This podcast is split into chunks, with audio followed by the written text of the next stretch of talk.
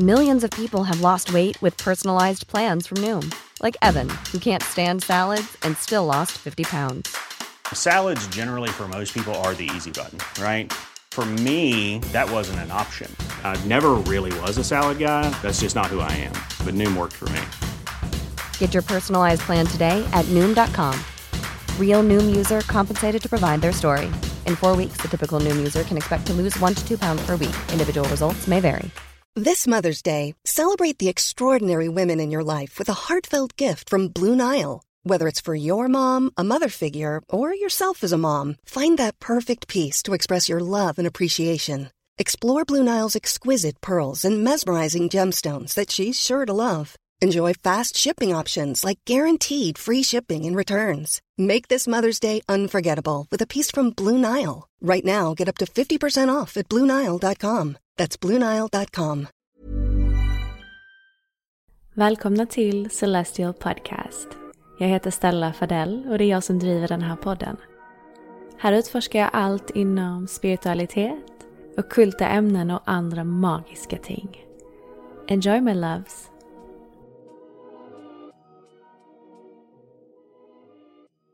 Hej alla magiska varelser och varmt välkomna tillbaka till Celestial Podcast.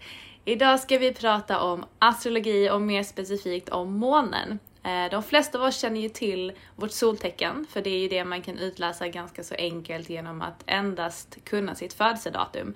Eh, men för att få mer av en helhetsbild eh, så är det ju bra om man kan fördjupa sig inom sitt horoskop lite grann och det gör man ju mer specifikt genom att även ta reda på sin födelsetid, sin födelseort och därmed kommer man få reda på mycket större del av sitt födelsediagram. Um, och med detta så kan vi ju då utläsa både sitt måntecken, ascendent och sen även resten av planeternas placeringar.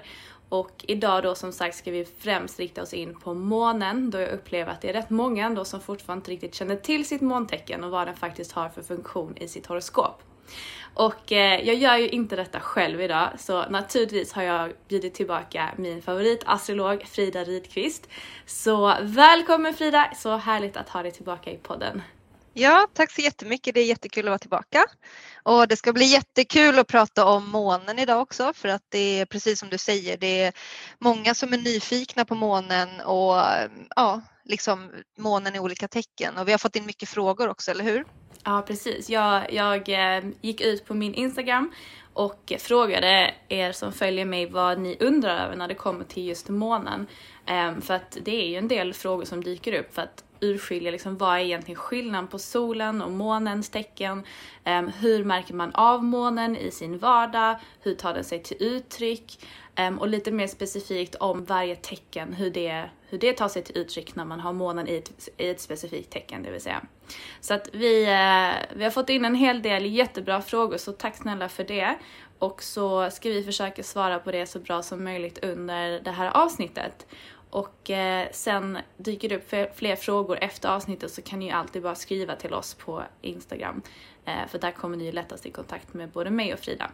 Men toppen, men då tycker jag att vi kör igång. Så att i grund och botten så är ju ens måntecken det astrologiska tecken som månen befann sig i när man föddes.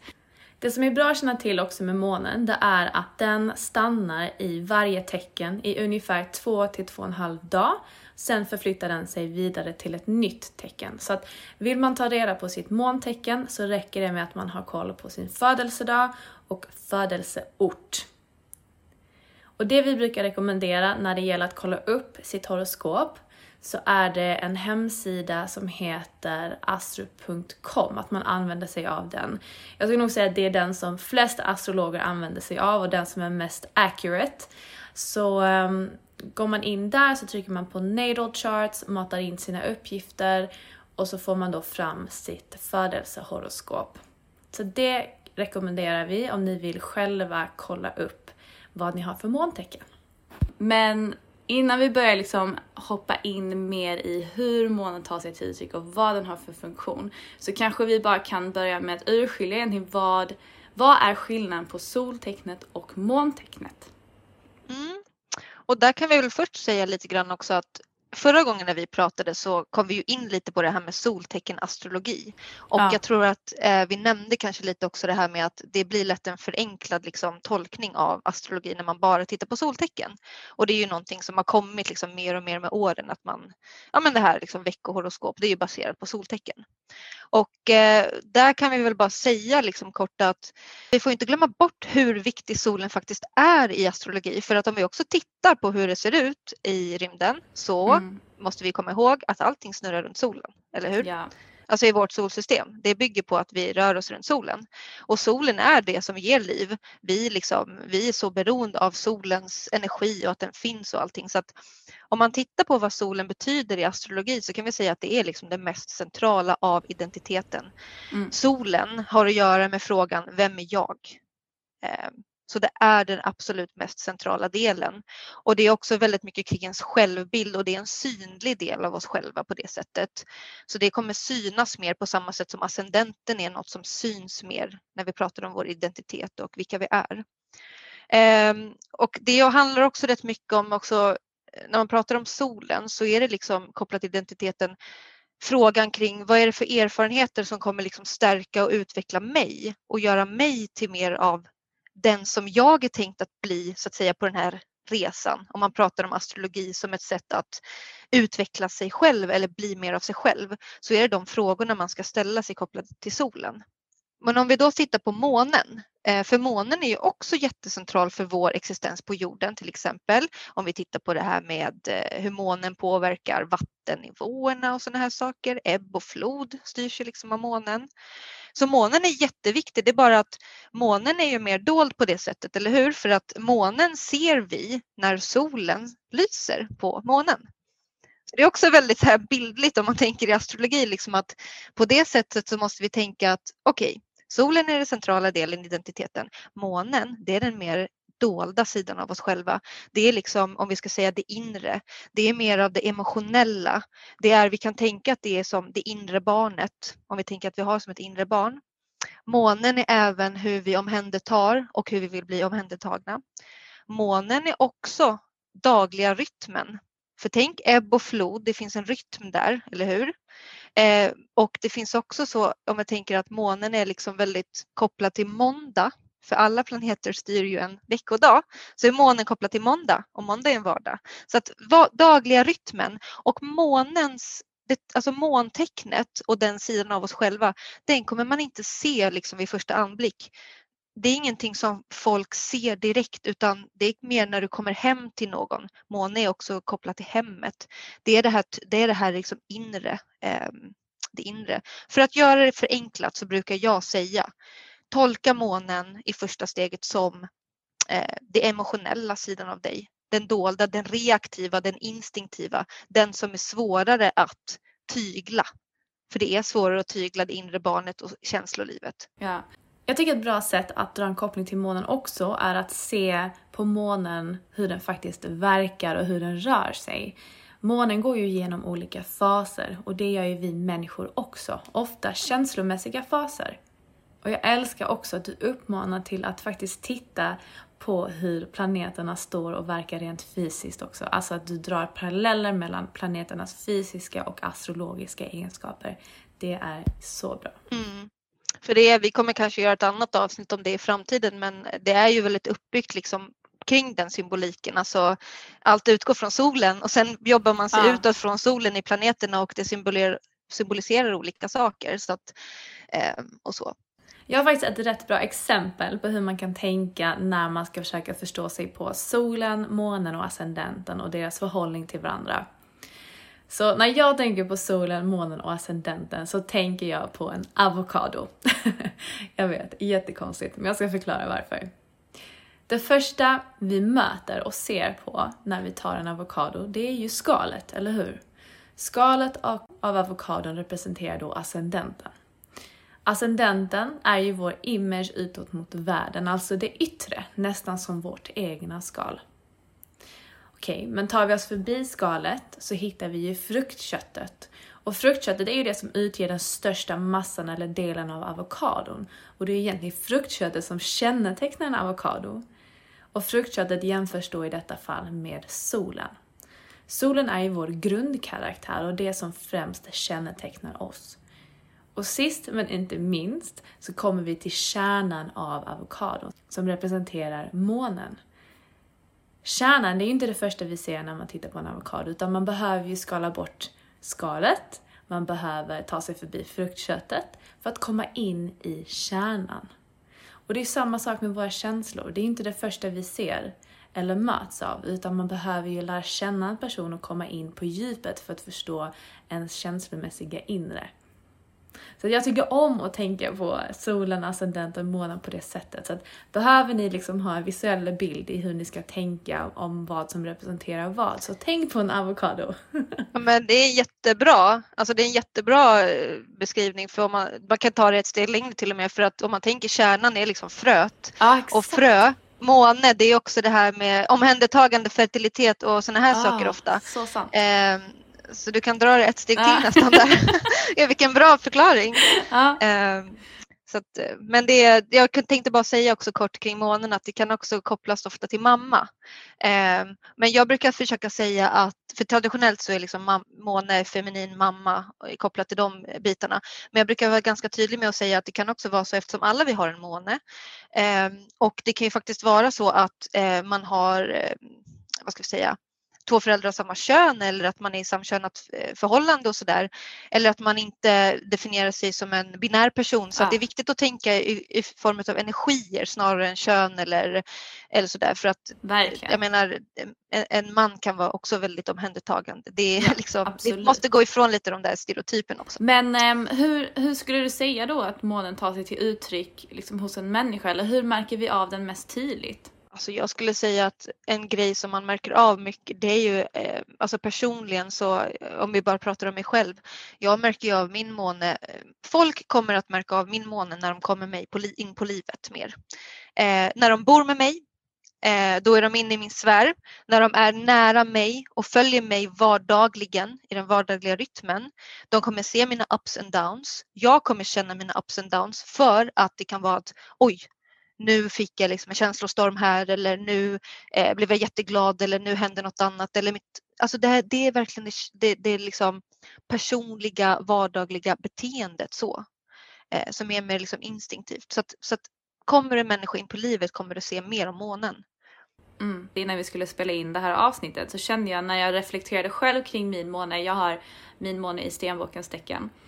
Och så tänkte jag tillbaka liksom lite grann, reflekterade kring hur jag var i min barndom, hur jag är nu, min tonår och så vidare. Och jag kände liksom att när det kom till hur jag uttryckte mig känslomässigt eller hur jag uttryckte mig till liksom min nära sfär, min familj, mina vänner och sådär. Så kände jag att jag var mycket mer influerad av stenbocken när jag var liten. Och det jag tyckte, det som var så bra, det du sa, det var ju att, att det handlar ju mer om att man var, alltså att man är mer reaktiv när man är yngre. Man liksom, man är ju inte proaktiv i sitt tänkande och man har liksom inte det konsekvenstänket som man har nu när man är äldre. Och, och det landade jätteväl hos mig med tanke på att du säger det att månen också är liksom mer reaktiv, alltså av en mer reaktiv energi. Så att, så att det kan ju vara så att man kanske märker av sin måne på ett lite annorlunda sätt när man var yngre och sen att den har liksom tagit sig till uttryck och utvecklats med tiden man blir äldre och man blir mer världsvan och man utsätts för prövningar och sådär. Men att jag känner att min solfisk exempelvis och min ascendent, att den mer börjar influera min måne och hur jag agerar nu när jag har blivit äldre. Så att det liksom känns som att det börjar bli mer av ett samarbete kring mina, min måne, min ascendent och min, och min sol. Ja, nej men jag, jag håller helt med och precis som du säger, det är ju en väldigt reaktiv energi liksom och man kan ofta liksom eh, influera sitt soltecken och ascendent och sådär mer för att månen är ju mer som en bångstyrig treåring på det sättet. Alltså den vill ju, den måste ju få leva, alltså den lever sitt eget liv på ett helt annat sätt och eh, Ehm, det är därför jag tror liksom att vi, vi har ju kanske mer filter när vi blir äldre och eh, vi lär oss mer hantera känslor, känslor, reglera och allt det här och även att eh, jag tror liksom att generellt så här Ibland i vårt samhälle så pratar man liksom om att Åh, det är så bra när man är ung. Men så här, vi bygger mycket på att man ska vara ung, hålla sig ung, allting är så bra när man är ung. Men månen och allt det här eh, mognar ju så mycket med tiden så att liksom de kommer upp mot 40 eller över 40, jag menar då kommer du ha hittat många nycklar förhoppningsvis till hur du ska hantera ditt, din måne och ditt måntecken. Liksom. Ehm, för att det är ju också så, eh, det för ju in oss lite tänker jag, för du har månen i stenbocken och jag har månen i skorpionen. Ehm, och det för ju oss in lite tänker jag på det här med, som var en fråga tror jag som vi fick kring om hur man ska tänka, månen trivs bättre i vissa tecken och sämre i vissa tecken. Vi två har ju faktiskt våra månar i de tecken som teoretiskt sett är svårare placeringar. Ja, exakt. Mm. Det är faktiskt lite intressant att vi båda har det. Ja. Okej, men då måste vi ju berätta varför det är så. Ja, och det här är varför jag säger att det är teoretiskt. Det är för att det som vi pratar om idag när vi går in på månen i olika tecken, det blir ju alltid en lite generaliserad bild. Det blir ju en lite förenklad bild för att vi måste göra det nu när vi pratar. Ja. För att i astrologi, man kan ju alltid gå hur långt som helst som vi har varit inne på. Man tittar på månen i vilket hus den är, vilken grad den är. Eh, vi tittar på aspekter till månen. Vi kan titta på så mycket. Så idag kommer vi begränsa oss lite till att prata om månen i tecken. Men då själva teorin kring det här eh, om månen trivs bättre och sämre, det utgår ju egentligen från att vi har ju planeter som styr tecken. Vi har ju till exempel liksom att eh, Jupiter styr skytten, har vi. Venus styr oxen. Eh, och då är det ju så att månen styr ju kräftan. Eh, de är ju liksom ihopkopplade, månen och kräftan. Och därför är det ju så att månen trivs jättebra i kräftans tecken för då är den i sitt hemtecken. Där kan den komma väl till uttryck. Den liksom får det här, månen söker ju stabilitet, det är ju som ett litet barn som behöver omvårdnad. För att kunna ut, vara, uttrycka sin emotionalitet behöver man ofta känna sig trygg till exempel. Yeah. Det är viktigt för månen att känna sig trygg. Den vill ha det vardagliga lunken, den vill ha det där att liksom omfamnandet liksom kring sig så att den ska känna sig omhändertagen. Och det får den ju i kräftan för kräftan är ju en sån typ av energi som är väldigt omhändertagande och trygg. Släpper inte alltid in allihopa som vill in men den, liksom, ja, den tar väl hand om de som är inne och väldigt, alltså väldigt så här, ska vi säga, moderlig energi. Liksom. Mm. Omhändertagande. Så därför trivs den så bra i kräftan och vi kan titta på var månen trivs extra bra och det är i oxen. Och där brukar man kalla det då för att den är exalterad. Okay. Eh, det, brukar, det finns olika namn för de här, alltså hur eh, bra de trivs i olika tecken. Vi ska inte gå för mycket in i det men den är exalterad i oxen. Och det, det kan vi också tolka som rätt logiskt egentligen för att oxen handlar ju mycket om liksom det här att äga, att ha någonting, stabilitet, att vara jordad, vara pragmatisk, praktisk, att njuta, att vara i nuet, alltså allt det där liksom är ju väldigt eh, signifikant för oxens tecken. Och då trivs ju månen jättebra där. Alltså personer då med månen också brukar vara väldigt stabila känsloliv. Så. Vi kommer in på det mer sen. Ja. Men då för att förstå mer kring var månen trivs lite sämre och var det blir svårare för månen att komma till uttryck så tittar vi på vilka tecken som är mots motsatt oxen och kräftan. Just det. Och stenbocken är ju motsatt kräftan och skorpionen är ju motsatt oxen. Mm. Så då blir det ju lite svårare i de tecknena för månen att komma till uttryck. Liksom. Eh, till exempel stenbocken är ju väldigt eh, vad ska vi säga, ordningsam och den energin. Saturnus styr ju stenbocken så det är mycket disciplin, ordning, regler, begränsningar. Ja. Allt det där ska vara kategoriserat och månen vill ju vara mer fri så det blir lite svårbegränsat ja, där. Motstånd nästan. Ja, lite motstånd. Eh, och i Skorpionen som ja, där kan man säga att det styrs av Mars och Pluto. Pluto, jag menar det är en väldigt omvälvande energi, alltså det är mycket intensitet. Månen kan inte riktigt vila i Skorpionens tecken.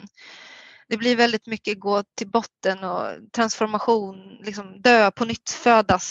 det är liksom lite kaosartat. Ja. Så det är det som är teorin bakom och jag säger att det är teorin och teoretiskt för att alltså det finns ju andra tecken som också är svåra och kan vara svårt.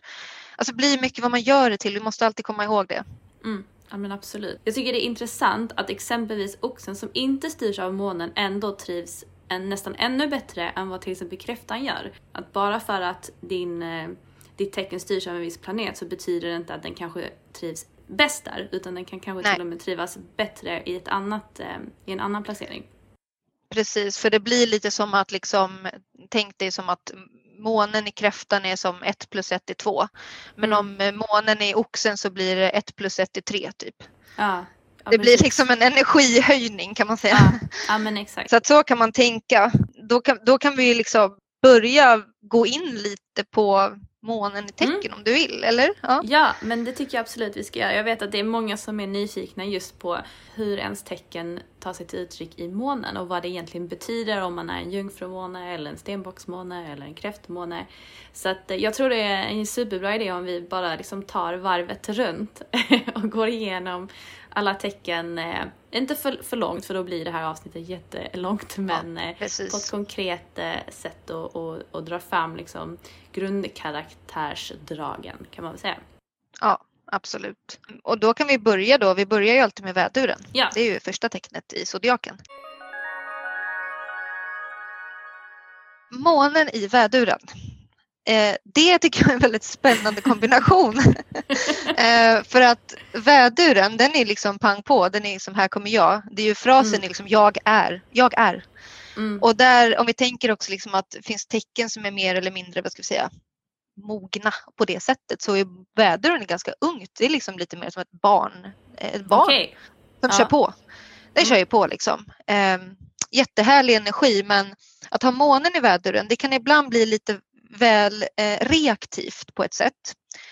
Eh, personer som har månen i väduren brukar ibland säga att oj det kan komma liksom ilskeutbrott från ingenstans väldigt snabbt men sen är de över. Så det kan gå väldigt snabbt där. För det är ju Mars, Mars energi med väduren så det går ju snabbt liksom. Och ehm, Mm. det är det som är så intressant när man lär sig mer om sin måne för att jag, hade, jag pratade med en person här för några dagar sedan som hade solen i fiskarna och månen i väduren. Och då tänker man så här, men om Mm. du inte vet om ditt måntecken och bara tänker att ja, men du har solen i fiskarna, då tänker man ju en person som är rätt så här, ja men kanske lite mer laid back på ett sätt och lite mer inkännande, empatisk, eh, liksom, eh, ja, inte pang på så. Men att ha månen i väduren med den solen, det blir ju ett helt annat uttryck, en helt annan kombination för då blir det ju mer liksom, eh, kan komma känslor eh, utbrott då och då. Liksom. Så det kan vara någonting som man kan behöva jobba lite med, liksom att kanske träna sig på att stanna upp och sådär och inte skuldbelägga sig själv om det blir ett utbrott här och där för att ofta är det över snabbt liksom. Mm. Eh, men just ta fem minuter ibland. Men skulle du säga att de här utbrotten är liksom kopplade till någonting speciellt eller är det bara liksom att känslorna rör sig eh, upp och ner? Ja, alltså det är liksom att när väl, för att det blir ju som att månen tar på sig kostymen av väduren.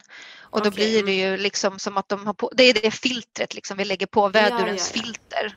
Så Mm. då går allt genom det filtret så då blir det mer reaktivt och snabbt liksom. Men Ja. det som är de goda sakerna, eller goda sidorna med en måne i väduren tycker jag, det är liksom att eh, ofta är det här personer som kan vara väldigt inspirerande. De kan liksom driva igång projekt och väldigt så entusiastiska och kan typ leda människor och kanske inte de mest långsiktiga.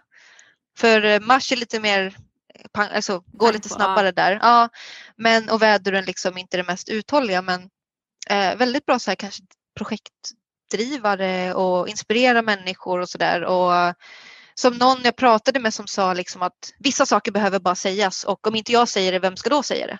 Och det är sant. Det stämmer ju. Så det, alltså det är så viktigt att komma ihåg att alla de här månplaceringarna och alla placeringar vi har, de fyller ju en viktig funktion och det handlar ju bara om att liksom eh, tämja den här energin på det sättet så det blir eh, så bra det kan bli för en själv Ja. och andra. Så det är lite om månen i väduren. Eh, om vi går vidare då, som vi var inne på månen i oxen, men där, där är månen som sagt, den trivs mycket bättre. Alltså den bättre på det sättet, alltså teoretiskt nu pratar jag om. Ja. Eh, den får ett annat lugn, den får en annan stabilitet. Ofta är det människor som kan typ sätta sig på en parkbänk och så här, eh, känna av solens strålar mot kinden och bara njuta liksom. Bara njuter av det. Det är mer lätt, eh, alltså det är mer en, en, en person som njuter av mer vardagliga ting liksom. God mat, gillar att baka, gillar att laga mat. De gillar kanske att blir det lite klyschigt men typ äta i sängen. Alltså så här livsnjutare. ja men livsnjutare mer. Ja, ja. Ja, ja, frukost på sängen. Ehm, och eh, stabil i känslolivet. Det, det, är självklart att det som kan vara baksidan med det är ju att oxen är ju en energi som är lite rigid. Mm. Eller hur? Mm. Så det kan ju vara lite att så här, lite, man kan vara lite trög ibland kanske och sådär. Eh, men lojal, stöttande, eh, som jag säger, livsnjutare kort och gott. Mm, ja men verkligen, att uppskatta det, det enkla i livet lite grann. Ja. Ja. Att det inte behövs så jättemycket för att man ändå ska kunna se liksom det vackra, det fina och njuta. Ja, verkligen. Jag har en kompis som har månen i oxen och hon, är, hon älskar liksom att äta god mat och laga god mat och mysa mm. och baka och fixa. Um, så det är mysigt. månen i tvillingarna, där mm. eh, skulle kanske säga att det brukar inte nämnas som en lite tuffare position men det kan vara en lite svårare position för att tvillingarna, eh, jag tänker den energin, den handlar ju mer om, alltså det är mer logiskt, eller hur? Ja. Eh, det är ju liksom mer, vad ska jag säga, tänkandet. Tänkandet är igång konstant. ja. Mycket liksom kommunikation och sådär och månen, tänker du liksom att vi kan alltid förklara känslor och sånt? Nej, absolut inte det är liksom det svåraste egentligen att sätta fingret på ibland när man har en känsla. Ibland kan man ju inte styra över det eller förklara det logiskt utan det är ju en känsla bara. Ja, och det är det som kan vara lite en fallgrop ibland för månen i tvillingarna för att det kan lätt bli så där att liksom, eh, man kanske hamnar i att vilja konstant förstå sitt känsloliv och vilja kunna mm. liksom tänka kring det och resonera kring känslorna och eh, fastna lite i det där förstå, förstå, förstå och prata om känslorna konstant och så istället för att kanske bara vara i dem. Eh, ja. Och eh, man kan också vara ganska känslig tror jag på ett vis för att eh, alltså en måne i tvillingarna, det blir ändå som att man har liksom känslospröt utåt för att alltså Merkurius styr tvillingarna och det är mycket kring det intellektuella och information. Kan, ja. Och månen är ju det undermedvetna, det som är dolt, så det kan vara att mycket information kommer in liksom också undermedvetet. Så det kan ta mm. en del energi. Så att jag skulle säga Dock kan det vara jättekul att vara med måntvillingar för de kan alltså, hålla igång och prata och vara väldigt så här Toodaloo, hallå, alltså väldigt sådär. ja, eh, verkligen. Men jag tror det är viktigt bara att de också tar en liten paus ibland och tränar sig på att bara vara i känslorna för att eh, allting kan inte alltid beskrivas och så och det kommer man upptäcka mer och mer med tiden och så. Eh, mm. Jag kan tänka mig att det kan leda till en frustration hos dem att inte alltid kunna förklara med någon slags logik varför de känner som de gör. Jag tror att, jag tror att den här psykologen Freud eh, var måntvill, måntvilling faktiskt. Och han gjorde liksom en sån här uppdelning, typ jaget, detet och överjaget. Eh, alltså typ att människan har då tre olika, eh, alltså jaget, överjaget och detet. Liksom. Och det är så typiskt för måntvilling att liksom kategorisera in eh, och förstå sig på in, i det inre på det sättet. Ah, okay, ja. Sen har vi månen i kräftan och den var vi inne lite på men det är ju i sitt hemtecken. Jag vet, känner du någon som har månen i kräftan? Ja, jag känner faktiskt en månkräfta, en person som står mig väldigt nära, nämligen min bror. Okej, okay. Och han, kul. Är, han har sin sol i stenbocken och sin måne i kräftan. Och eh, jag menar, kan du tänka dig hur privat den här människan är och hur hög integritet han har. Alltså, han, eh, han tror ju inte ett dugg på astrologi och tycker det bara är trams. Men han är verkligen den mest stenbockiga stenbocken och den mest eh, månkräftiga månkräftan du kommer träffa. Um, han är så otroligt privat när det kommer till känslor, relationer, den typen av grejer. Um, alltså det är på den nivån att jag går liksom bakom hans rygg och pratar med hans vänner för att se för att liksom så här, försöka fiska lite. Vad, är, vad händer i hans liv? Liksom? Träffar han någon brud eller vad händer? Liksom? Men eh, de vet lika lite som jag gör så att han är väldigt, väldigt privat. Han processar mycket själv i, e, alltså så här, bakom stängda dörrar. Han tycker inte om att blanda in andra i hans, eh, i hans känslor eller relationer eller sådär utan det ska han hantera själv. Um, och jag menar jag kommer ihåg när han var yngre, jag hoppas inte han blir för sur att jag berättar detta nu men när han var yngre så eh, var han kär i en tjej och um, jag vet inte exakt vad som hände men de um, det var något som hände som gjorde att de slutade träffas och han var så förtvivlad över det här och låste in sig själv i sitt sovrum i en vecka. Alltså no joke, han var i sitt sovrum i en vecka. Det gick inte att prata med honom, jag såg knappt röken av honom, han kom typ ut för att äta och gå på toa och sen så var det inte mer med det. Um, och liksom jag försökte prata med honom, det ville han absolut inte utan det var så här: leave me alone and let me process my feelings by myself. Så att väldigt privat, väldigt hög integritet, bjuder inte in vem som helst. Um, utan är väldigt noga med vem han lägger sin energi på och eh, vem som, kom, vem som får komma nära honom helt enkelt. Och um, men så här är det också att när man väl har kommit in och blivit liksom, fått upp hans förtroende, då, alltså då är du där liksom för livet. um, och han um, lojal ända ut i fingerspetsarna och um, som sagt, säger inte ofta hur han känner så att när han väl uttrycker sig och säger kanske, eh, ger en en komplimang eller, eller liknande, då måste man verkligen greppa taget om det och eh, och verkligen ta till sig det för att han säger som sagt ingenting i onödan.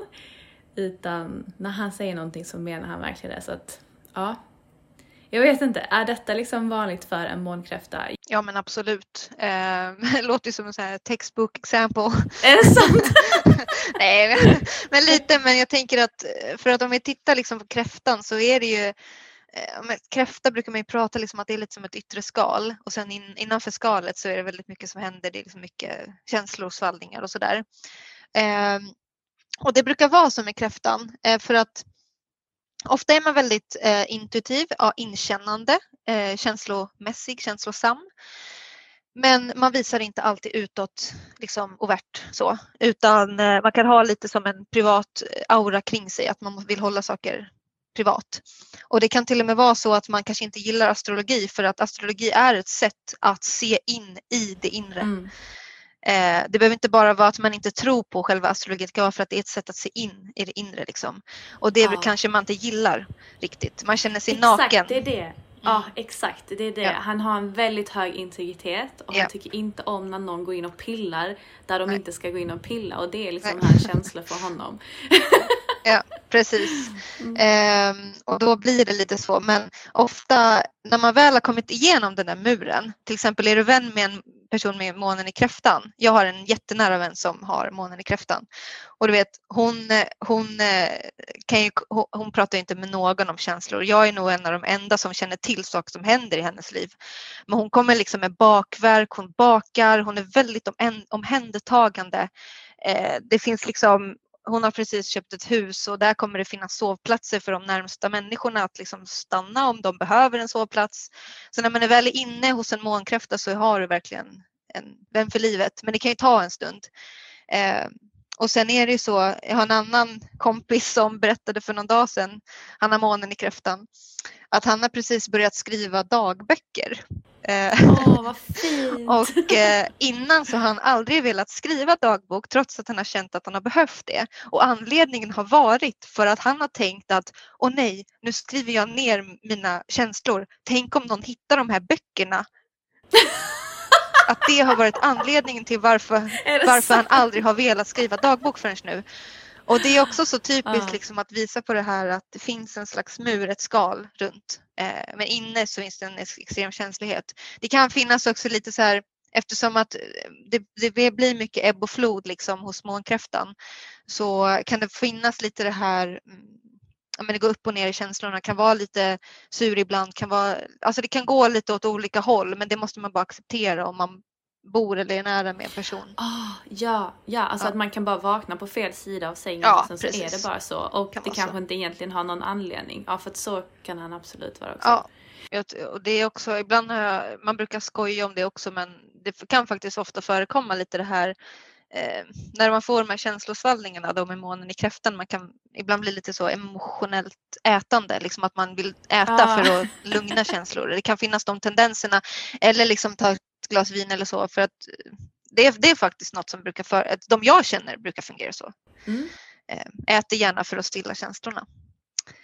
Ehm, men sen ehm, det jag tänkt nu ska vi se, sen har vi månen i lejonet mm, som är nästa.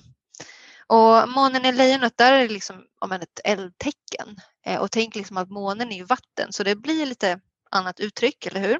Mm. Om, och lejonet, det är ju väldigt mycket så här, jag brukar alltid tänka på lejonet, lejonet som stort hjärta. Eh, lite mer åt det dramatiska, liksom, här, kommer jag, här är jag, liksom, titta på mig och lite mer det här extravaganta. Och så kopplar vi alltid lejon till femte huset och barn. Och eh, därför brukar jag tänka att de här människorna brukar, de är inte barnsliga, de har barnasinnet kvar brukar jag säga. Att de brukar komma väldigt bra överens med barn. Mm. För att de har lite det här lekfulla, lejonet är lekfullt, de har det lekfulla uttrycket liksom kring, av sig själva. De eh, gillar liksom att, de kanske inte gräver ner sig i massa så här depressiva tankar och sånt utan de, det, det kommer till uttryck det de har i sitt inre på ett mer lekfullt sätt liksom, eh, på det sättet. Sen brukar månen i lejonet, de som har månen i lejonet, de brukar gilla väldigt eh, så här extravaganta kläder har jag märkt. Okay. Eh, ja, eller jag har märkt liksom att om de, om de ska eh, Alltså de kan gilla liksom typ om man ska ha en klänning, så här, det, det, är viktigt att knapparna sitter på ett speciellt sätt. Alltså det är väldigt mycket det där liksom med uttryck, alltså det här få uttrycka det dramatiska, få utlopp för det där, det här behovet att kanske synas eller ha lite mer dramatiska och extravaganta uttryck av sig själv. Okej. Har jag sett. Alltså Även att de är typ mer med... extroverta också eller? I sitt uttryck? Ja, så kan det vara. Absolut, så kan det vara. Eh, absolut. Sen jag tycker inte det är någon sån jättesvår placering på det sättet utan eh, med rätt liksom easy going och eh, lekfulla på många sätt och vis. Eh, har jag i alla fall märkt, tycker jag. Så att där, det är därför jag säger också att så här, ja, men må, eh, lejonet är eld och månen är vatten men det kan ju funka bra ändå för att inre barnet, månen, lejonet, lek, drama, eh, liksom synas. Det är också mycket kopplat till ett barns eh, kvaliteter, ett inre barns kvaliteter och känslor. Eh, känslor kan ta sig uttryck på det sättet liksom också. Eh, och det är detta som så är så att, viktigt liksom, nu när jag eller nu när jag har lärt mig mer om astrologi och hur viktigt det är att faktiskt ha en mer, mer av en helhetsbild kring sitt horoskop. Att dina dina tecken tar sig till uttryck och influerar varandra på så många olika sätt. Som du har sagt till mig många gånger, liksom hur de står rent gradvis också påverkar och hur de står liksom om de har någon kvadratur eller om det finns ju så mycket olika aspekter att ta till hänsyn när man, när man läser av ett horoskop. Um... Ja, verkligen. Eh, men jag tror att liksom den här månen lejonet behöver få utlopp för det där dramatiska och lekfulla liksom, för det är en så central del liksom att få bara vara och bara leka och bara eh, liksom eh, vad ska vi säga, ja, men uttrycka sig också teatraliskt eller vara med barn, alltså umgås med barn och ha kvar barnasinnet. Det är jätteviktigt. Om vi ska gå vidare till månen i jungfrun, för det är ju näst efter lejonet. Där är också lite så Mm, månen i Jungfrun, ja ah, gud, jag, jag, jag är ihop med en kille med månen i Jungfrun. Ja, just det. ehm, och mitt barn har månen i Jungfrun. Ehm, och där är det också så här, vi måste tänka igen, liksom att vad är Jungfrun för energi? Ja, men den är mer analyserande. Det styrs också av Merkurius, eller hur? Och det är också det här återigen, liksom då, känslolivet, analysera känslolivet, eh, förstå känslolivet. Alltså kan komma, hamna i den spiralen återigen. Lite som med tvillingarna. Bara att månen är jungfrun för att jungfrun de, de kanske är lite självuppoffrande på vissa sätt för att de gillar att ge till andra, de gillar att vara liksom serviceinriktade på ett sätt. Eh, mycket så. Och på det sättet kan jag se månen i jungfrun kan vara väldigt omhändertagande också för att eh, till exempel som min partner liksom eh, kanske, kanske visar, eh, uttrycker sin eh, beundran för mig om man säger så. Genom att eh, köpa hem mat eller eh, liksom göra praktiska saker väldigt mycket. För är väldigt praktisk energi liksom. Och ja, det passar väldigt bra för mig som är soloxe att han köper hem mat. ja, verkligen. ja. Det är ju match made in heaven det där ju. Eller hur? eh, ja, skämt åsido. Men det som är med månen i Jungfrun att oftast finns det liksom en, en, ett mått av perfektionism där och det finns lite av det här att ständigt vilja förstå, ständigt vilja, vilja plocka isär andra människor och sig själv och förstå. Och det kan nästan snurra till dig lite ibland så att det går till en stress. Eh, att man kan nästan vara lite åt det stressiga hållet och vi fick en fråga om det minns jag. Jag såg den.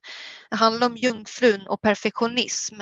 För många med månen i jungfru, de kan lätt hamna lite där att de liksom eh, vill ha ett perfekt städat hem, de vill ha saker och ting på ett speciellt sätt, de blir perfektionistiska och därför är det viktigt, tänker jag, för månen i jungfrun att förstå att er 100 procent, ni kan sänka den. Ni kan tänka att ni kan liksom släppa lite på piskan ni har ibland på er själva för att vi andra, vi tycker att ni är liksom spot on och ni gör det väldigt bra med så mycket så att släpp lite ja. på det där och tänk att ni är mm. good enough. Träna ja, på good verkligen. enough. Och ja. precis som du säger, alltså en jungfrus 100% är som vår 150%. Liksom och jag, jag själv har jungfru ascendent och jag kan känna igen de här aspekterna i hur jag är där och där är det också väldigt mycket att rent till det yttre så ska allting se perfekt ut och jag vill gärna leverera liksom så hög kvalitet när jag väl tar mig an saker och ting. Och det var också en, liksom, en, en fråga som dök upp, alltså just när man har jungfrun i månen, att man hellre inte gör en sak om man inte kan göra det perfekt. Och det känner jag att det kan också vara rätt så begränsande att jungfrur liksom hellre backar än att göra ja. någonting och försöka för att de kanske inte tror att de kan leverera liksom toppkvalitet eller på toppnivå. Um, men där, det, är ju, det handlar ju mycket också om att bara försöka um, vara medveten om det, att ingen är perfekt och försöka liksom, och vara medveten om att när de här känslorna dyker upp, att nej, nu känns det här jobbigt, ja men då är det, det är då du ska utmana dig själv. Precis och att eh, träna på det där att liksom, eller vara medveten om det där att oj, eh, en jungfrumånes eh, standard kan vara högre eh, om du jämför det med andras mått på samma eh, standard. Liksom. Så att liksom bli medveten om det och tänka att eh, ja, men träna på good enough även fast det är jättesvårt. För att det som händer ofta med jungfrumåne och jag ser det här också hos min egen partner.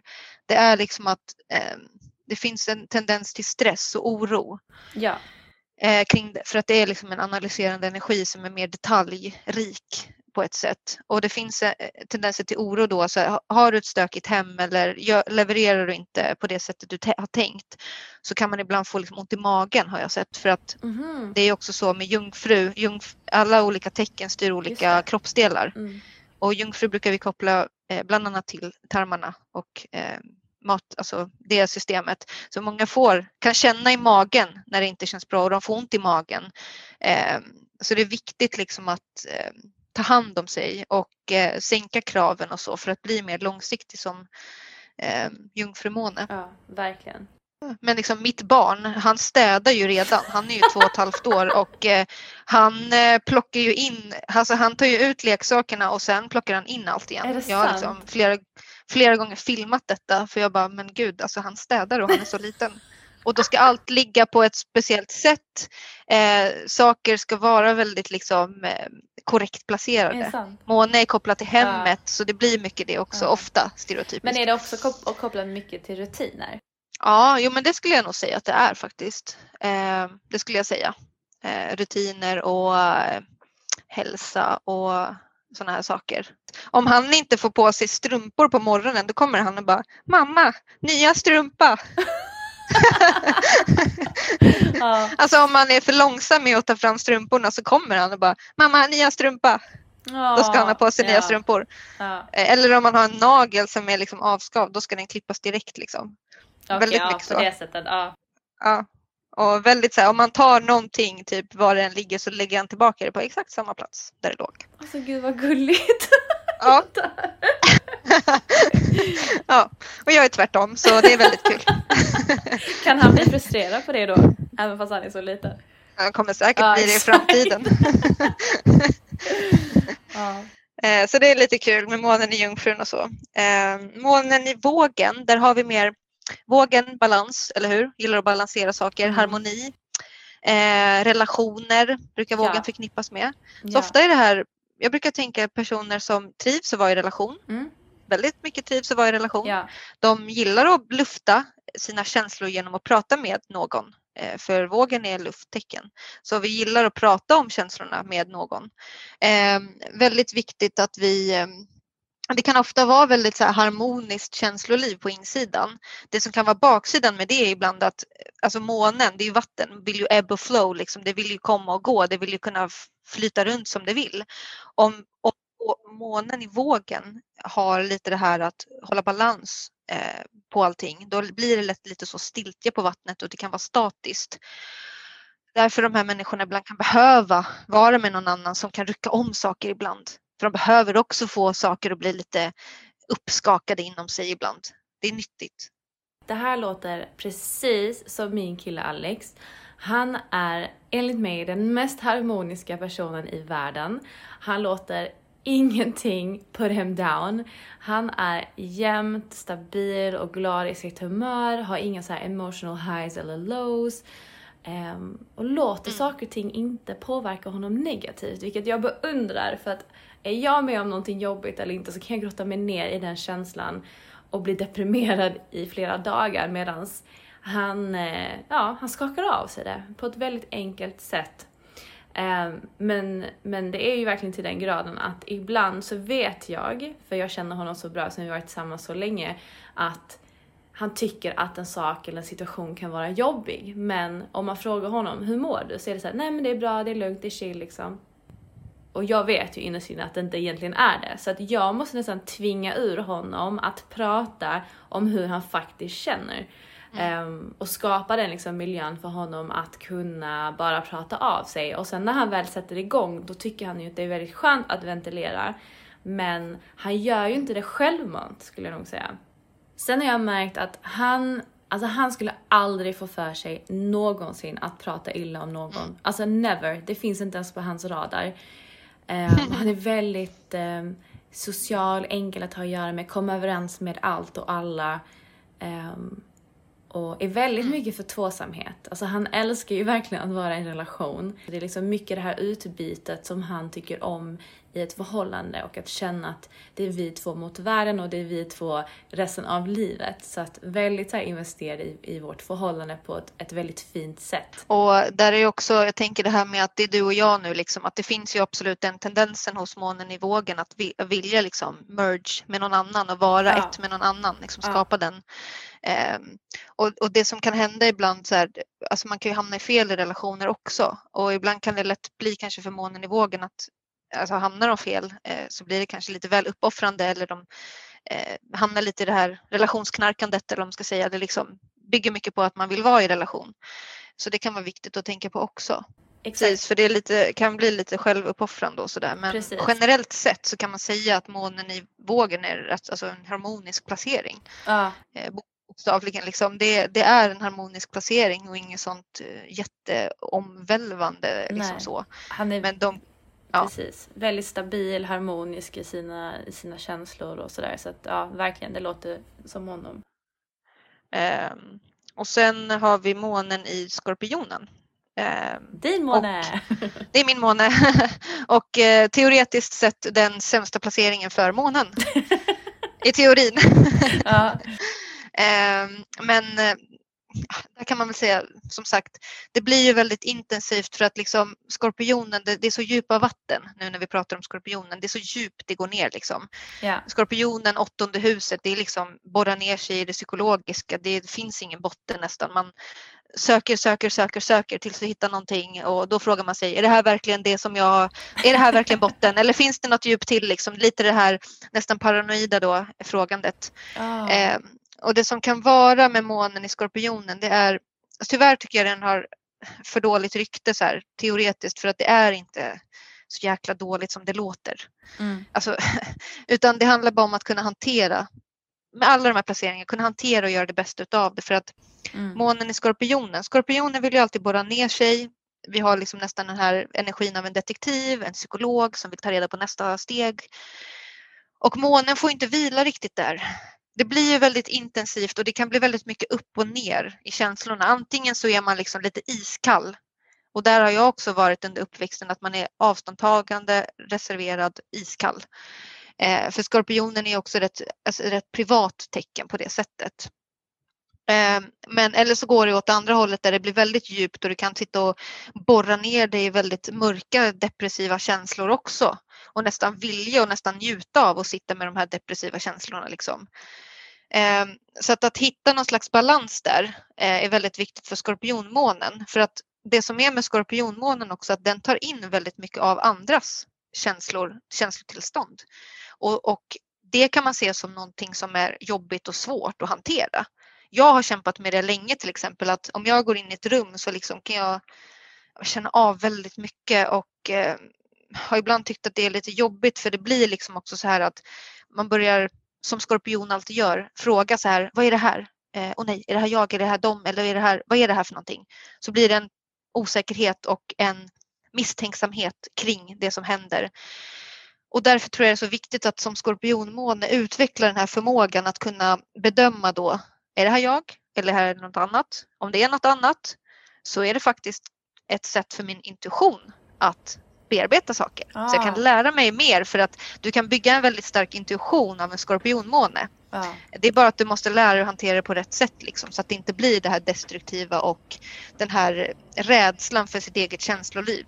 Mm, mm. Eh, det som är bra med skorpionmåne, alltså vi gillar ofta det här liksom lite mörka, det här crime-serier. Jag menar, jag har suttit och kollat på så här väldigt hemska dokumentärer, till och med när jag var liksom gravid. Alltså jag hade noll, alltså jag bara sök, har sökt mig efter allt det mörka och det, alltså detektivarbete, allt det här och mm. psykologi såklart är jättekul.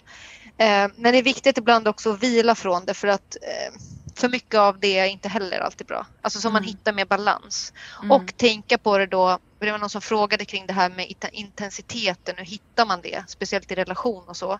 Precis. Jag hittar ju inte den intensiteten i min partner som är tvilling med tvillingascendent med en jungfrumåne. Det är väldigt mycket logisk energi där. Det är väldigt ja. mycket på ytan att vara logisk. Liksom jag ja. kan fråga honom väldigt djupa frågor och få ett svar som är väldigt liksom, kort och koncist och jag bara, va? Alltså hur kan du... Jag förstår inte. Jag förstår dig inte nu. Utveckla. Ja, men hur, känner, jag bara, hur känner du kring det här? Alltså, och så ställer jag en fråga. Så bara, jag känner att det är bra. Så frågar jag bara, va? Vadå bra? Vad är det för svar?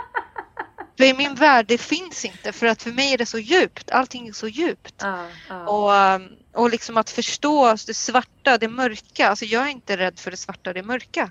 Mm. Mm. Jag gillar det svarta och det mörka för det finns men, något där som är intressant. Men blir du inte påverkad av det? Alltså för att jag kan känna om jag, jag håller mig gärna ifrån så här mörka serier just för att jag kan sitta och totalt tappa mig själv i det. Jag liksom hamnar typ i ångest och depressionstankar och tänker gud vad världen är mörk, varför är den så här? Och sen så är det liksom down the rabbit hole. Så jag blir väldigt påverkad på det sättet. Men kan du liksom distansera dig till till de grejerna som du tittar på då? Ja, det tror jag jag kan och det är väl det en del varför en del skorpionmånar har dåligt rykte för de tror att för att man gör det så är man liksom ice cold och creepy. Eh, ja, men det är en sån grej med skorpionmåne att man säger åh akta er, nej creepy. Men nej, alltså jag tror bara det. Jag får ju också nog av det såklart ibland. Mm. Eh, och jag, mer och mer har jag gått mot att släppa sådana där saker men jag tror ändå in, inneboende finns det alltid någon fascination för det där liksom så här, det djupa och det är så här, ja men hur är det egentligen? Yeah. Hur funkar det egentligen? Eller jag så här, undrar och ja, väldigt så här, utforskande och men som sagt, när man lär sig hantera det så är det en väldigt god intuition och man kanske måste acceptera faktiskt som skorpionmåne att är du tillsammans med någon som inte har de här eh, intensiva kvaliteterna som du har så eh, måste man vara okej okay med det också. Eh, för det kan annars bli så att man skapar situationer där det blir intensivt och kaos. Så det måste vara, man måste lugna sig lite med det också, kanske kanalisera det behovet på ett annat sätt. Eh, tänker jag. Många som har skorpionmåne har jag märkt, de är liksom häxor. De gillar ah. häxeri. Mm, mm. Ja, månen i skytten. Där har vi mer, men också igen eldtecken. Jag har märkt att många av dem, skytten, expansion, resa, eh, lära sig nya saker, upptäcka världen, filosofier. De kan ha stor fascination för liksom att resa, bo i en ryggsäck, backpacka. De kan gilla eh, att eh, berätta historier. Det som kan vara baksidan lite med månen i skytten, det kan vara att an, för andra människor så kan det se ut som att de inte kommer någonstans med sig själva. Att de är lite Mhm. stuck och de kan också tro det om sig själva att åh gud vad ska det bli av mig när jag blir stor? Ja. För att skytten är lite mer flyktig och gillar att testa på saker för det är mer uppe på en filosofisk nivå liksom. Mm. Eh, men där måste man också säga att skyttens måne mognar också med tiden som alla andras och den kommer hitta sitt kall. Så ta det lugnt, njut av att du är en person som gillar att upptäcka, gillar att resa, gillar att eh, liksom mm, utforska allt möjligt. Mm.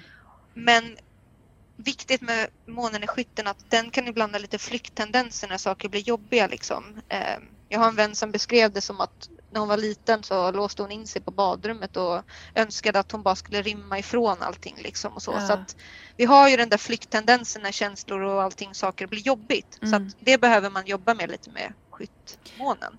Är man, för min pappa är faktiskt en uh, skyttmåne och han, eh, alltså han har vi växt, det är ju tack vare honom vi har bott, eller jag har bott i åtta länder och det, han har liksom alltid flyttat runt och bott på nya ställen. Jag vet inte hur din pappa är men ofta när en måne i skytten berättar historier Ja. jag gillar att lyssna på dem för de brukar vara väldigt Ah.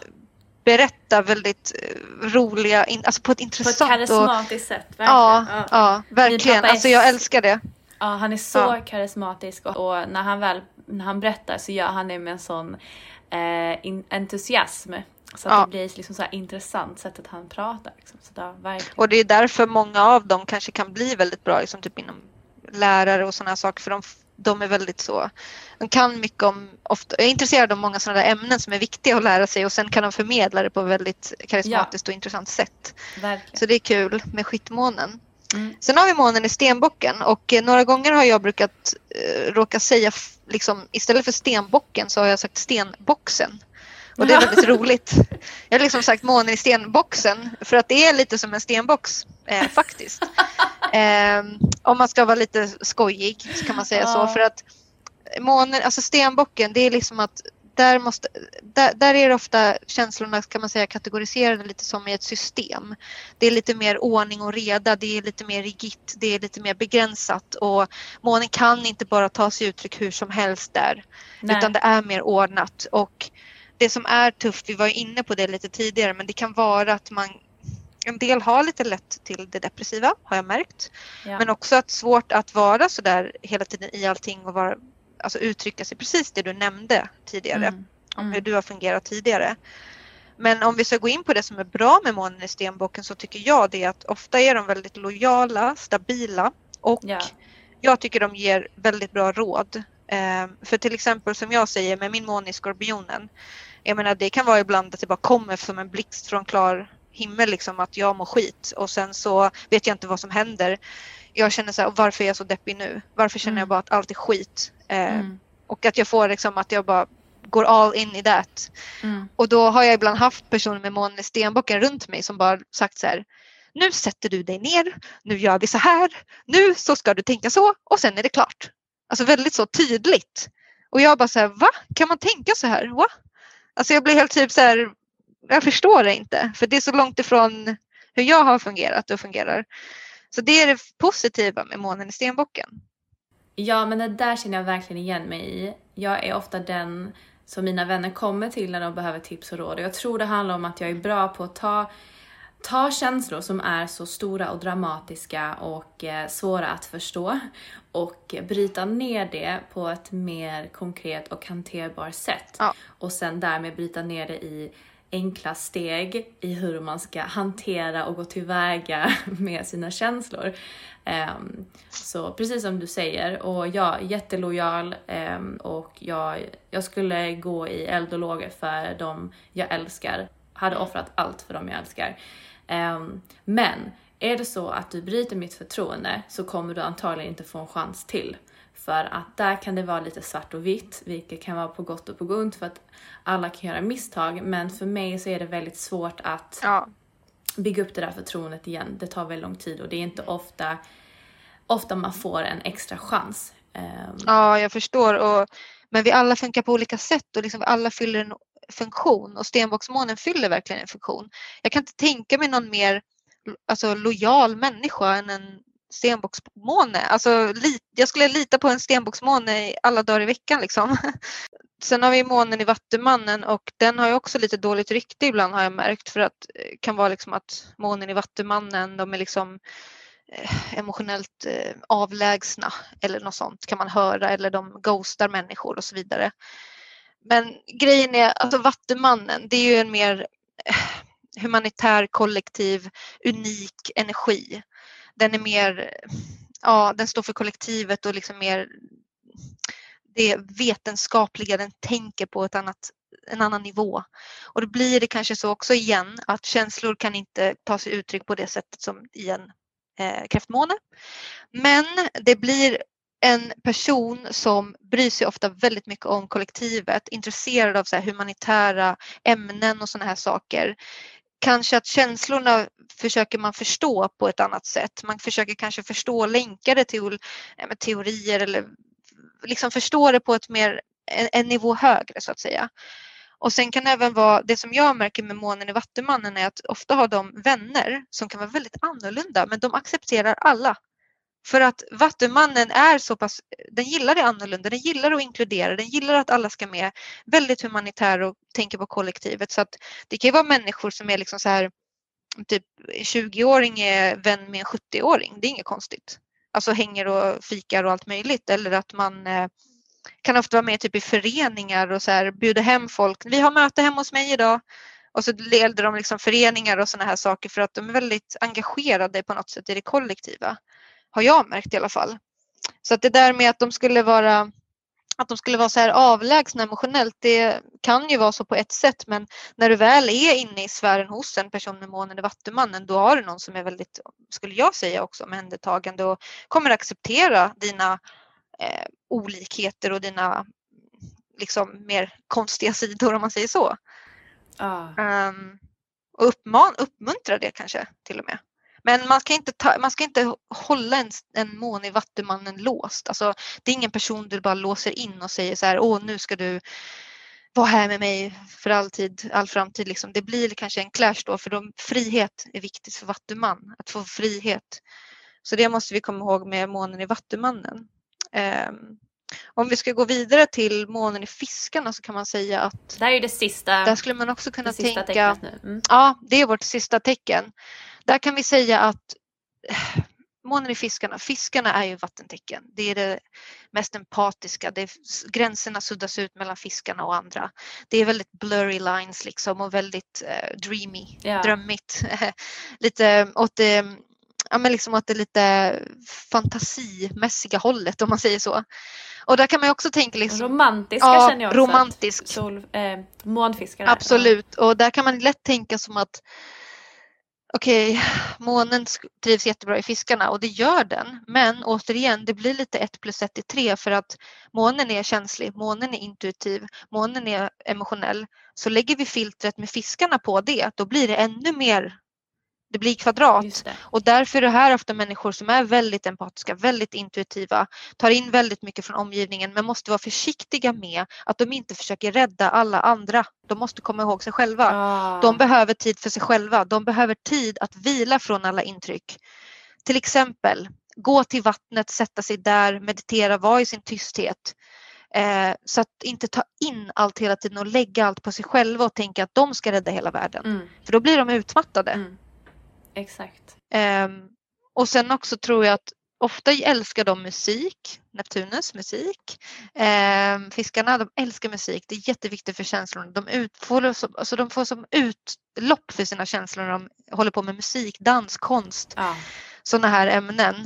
Um, men att vara försiktig skulle jag säga också kanske med om man har månen nära Neptunus eller månen i fiskarna då ska man vara lite försiktig med det här med alkohol och droger och sådana där saker för att eh, det är ju så käns alltså man är så känslig med månen i fiskarna med allting. Det är så mycket där inne som bubblar och flyter runt liksom så att man måste lära sig att eh, ta det lugnt, sätta gränser mot andra. För man är inte ond för det, man tar bara hand om sig själv. Och vara i sin eh, stillhet också själv så man får vila. Ja. Jätteviktigt. Men wow, då har vi gått igenom. Ja, vi har gått igenom liksom snabbt nu och eh, jag tror liksom att som vi har sagt att mm, alla vi måste acceptera mer och mer av våra månar och förstå att det är inget vi ska hålla på att kontrollera och förändra och hålla på utan acceptera, mogna eh, och använda det på ett sätt så det blir gynnsamt för oss och vår omgivning. Ja, verkligen. Och, och se lite, alltså jag tycker det är så intressant när jag har pratat med vänner som har lärt sig om sitt måntecken och kommer till liksom en sån här insikt bara aha, nu förstår jag så mycket mer om mig själv. Desto mer vi lär oss om vårt horoskop desto bättre blir det och jag tycker att vi behöver liksom fördjupa oss ännu mer kanske i ascendenter, vi kanske gör fler avsnitt om detta och liksom hur man praktiskt Ja. Förlåt min hund är här. Om man praktiskt lär sig hur man ska läsa av eh, sin chart. Det kanske är någonting som hade varit intressant att prata om också. Ja, verkligen. Eh, tänker jag verkligen. Och man kan prata om mycket, liksom Merkurius eller Ja. vad som helst. Men kom ihåg, man ska bara komma ihåg att månen är en jätteviktig central del och den kommer vara väldigt viktig när man pratar om välmående, att må bra i vardagen och att känna sig, mm, att man får utlopp för vem man är innerst inne. Väldigt viktigt med Verkligen, månen. verkligen. Jag tror vi får hålla det där Frida för att nu har vi pratat på ganska så länge. Ja, Men det brukar ju bli så när vi väl sätter igång. Det blir liksom aldrig något stopp på dig och mig känns det som. Men eh, vi, eh, vi får helt enkelt göra fler avsnitt om astrologi. Jag vet att det är ett Ja. väldigt eh, hett ämne och många som efterfrågar det. Ehm, men Frida, berätta bara kort då eh, för er som inte har lyssnat på avsnittet tidigare vart de kan komma i kontakt med dig. Eh, mig kan ni följa på min Instagram som är esoteric adventures. Eh, esoteric underscore eller understreck eh, adventures. Yes. Perfekt. Och jag länkar såklart hennes eh, uppgifter i eh, avsnittets beskrivning så kan ni gå in och följa Frida där. Och som sagt, är det fler frågor som dyker upp nu i efterhand så är det ju bara att höra av sig till eh, både mig och Frida. Och så, ja, så kommer väl fler avsnitt inom en snar framtid hoppas jag. Ja, det hoppas jag också. tack så jättemycket för att ni har lyssnat allihopa. Och tack Frida för att du var med ännu en gång. Ja, men tack, Superhärligt. Och om ni vill komma i kontakt med mig så gör ni det på understreck Celestio podcast på Instagram. Eller så kan ni mejla mig på celestio.podcast.gmail.com. Men eh, tills eh, nästa avsnitt mina vänner så får ni ha en toppen vecka, toppen dag, toppen kväll när ni än lyssnar på detta. Ha det så jättebra. Puss och kram!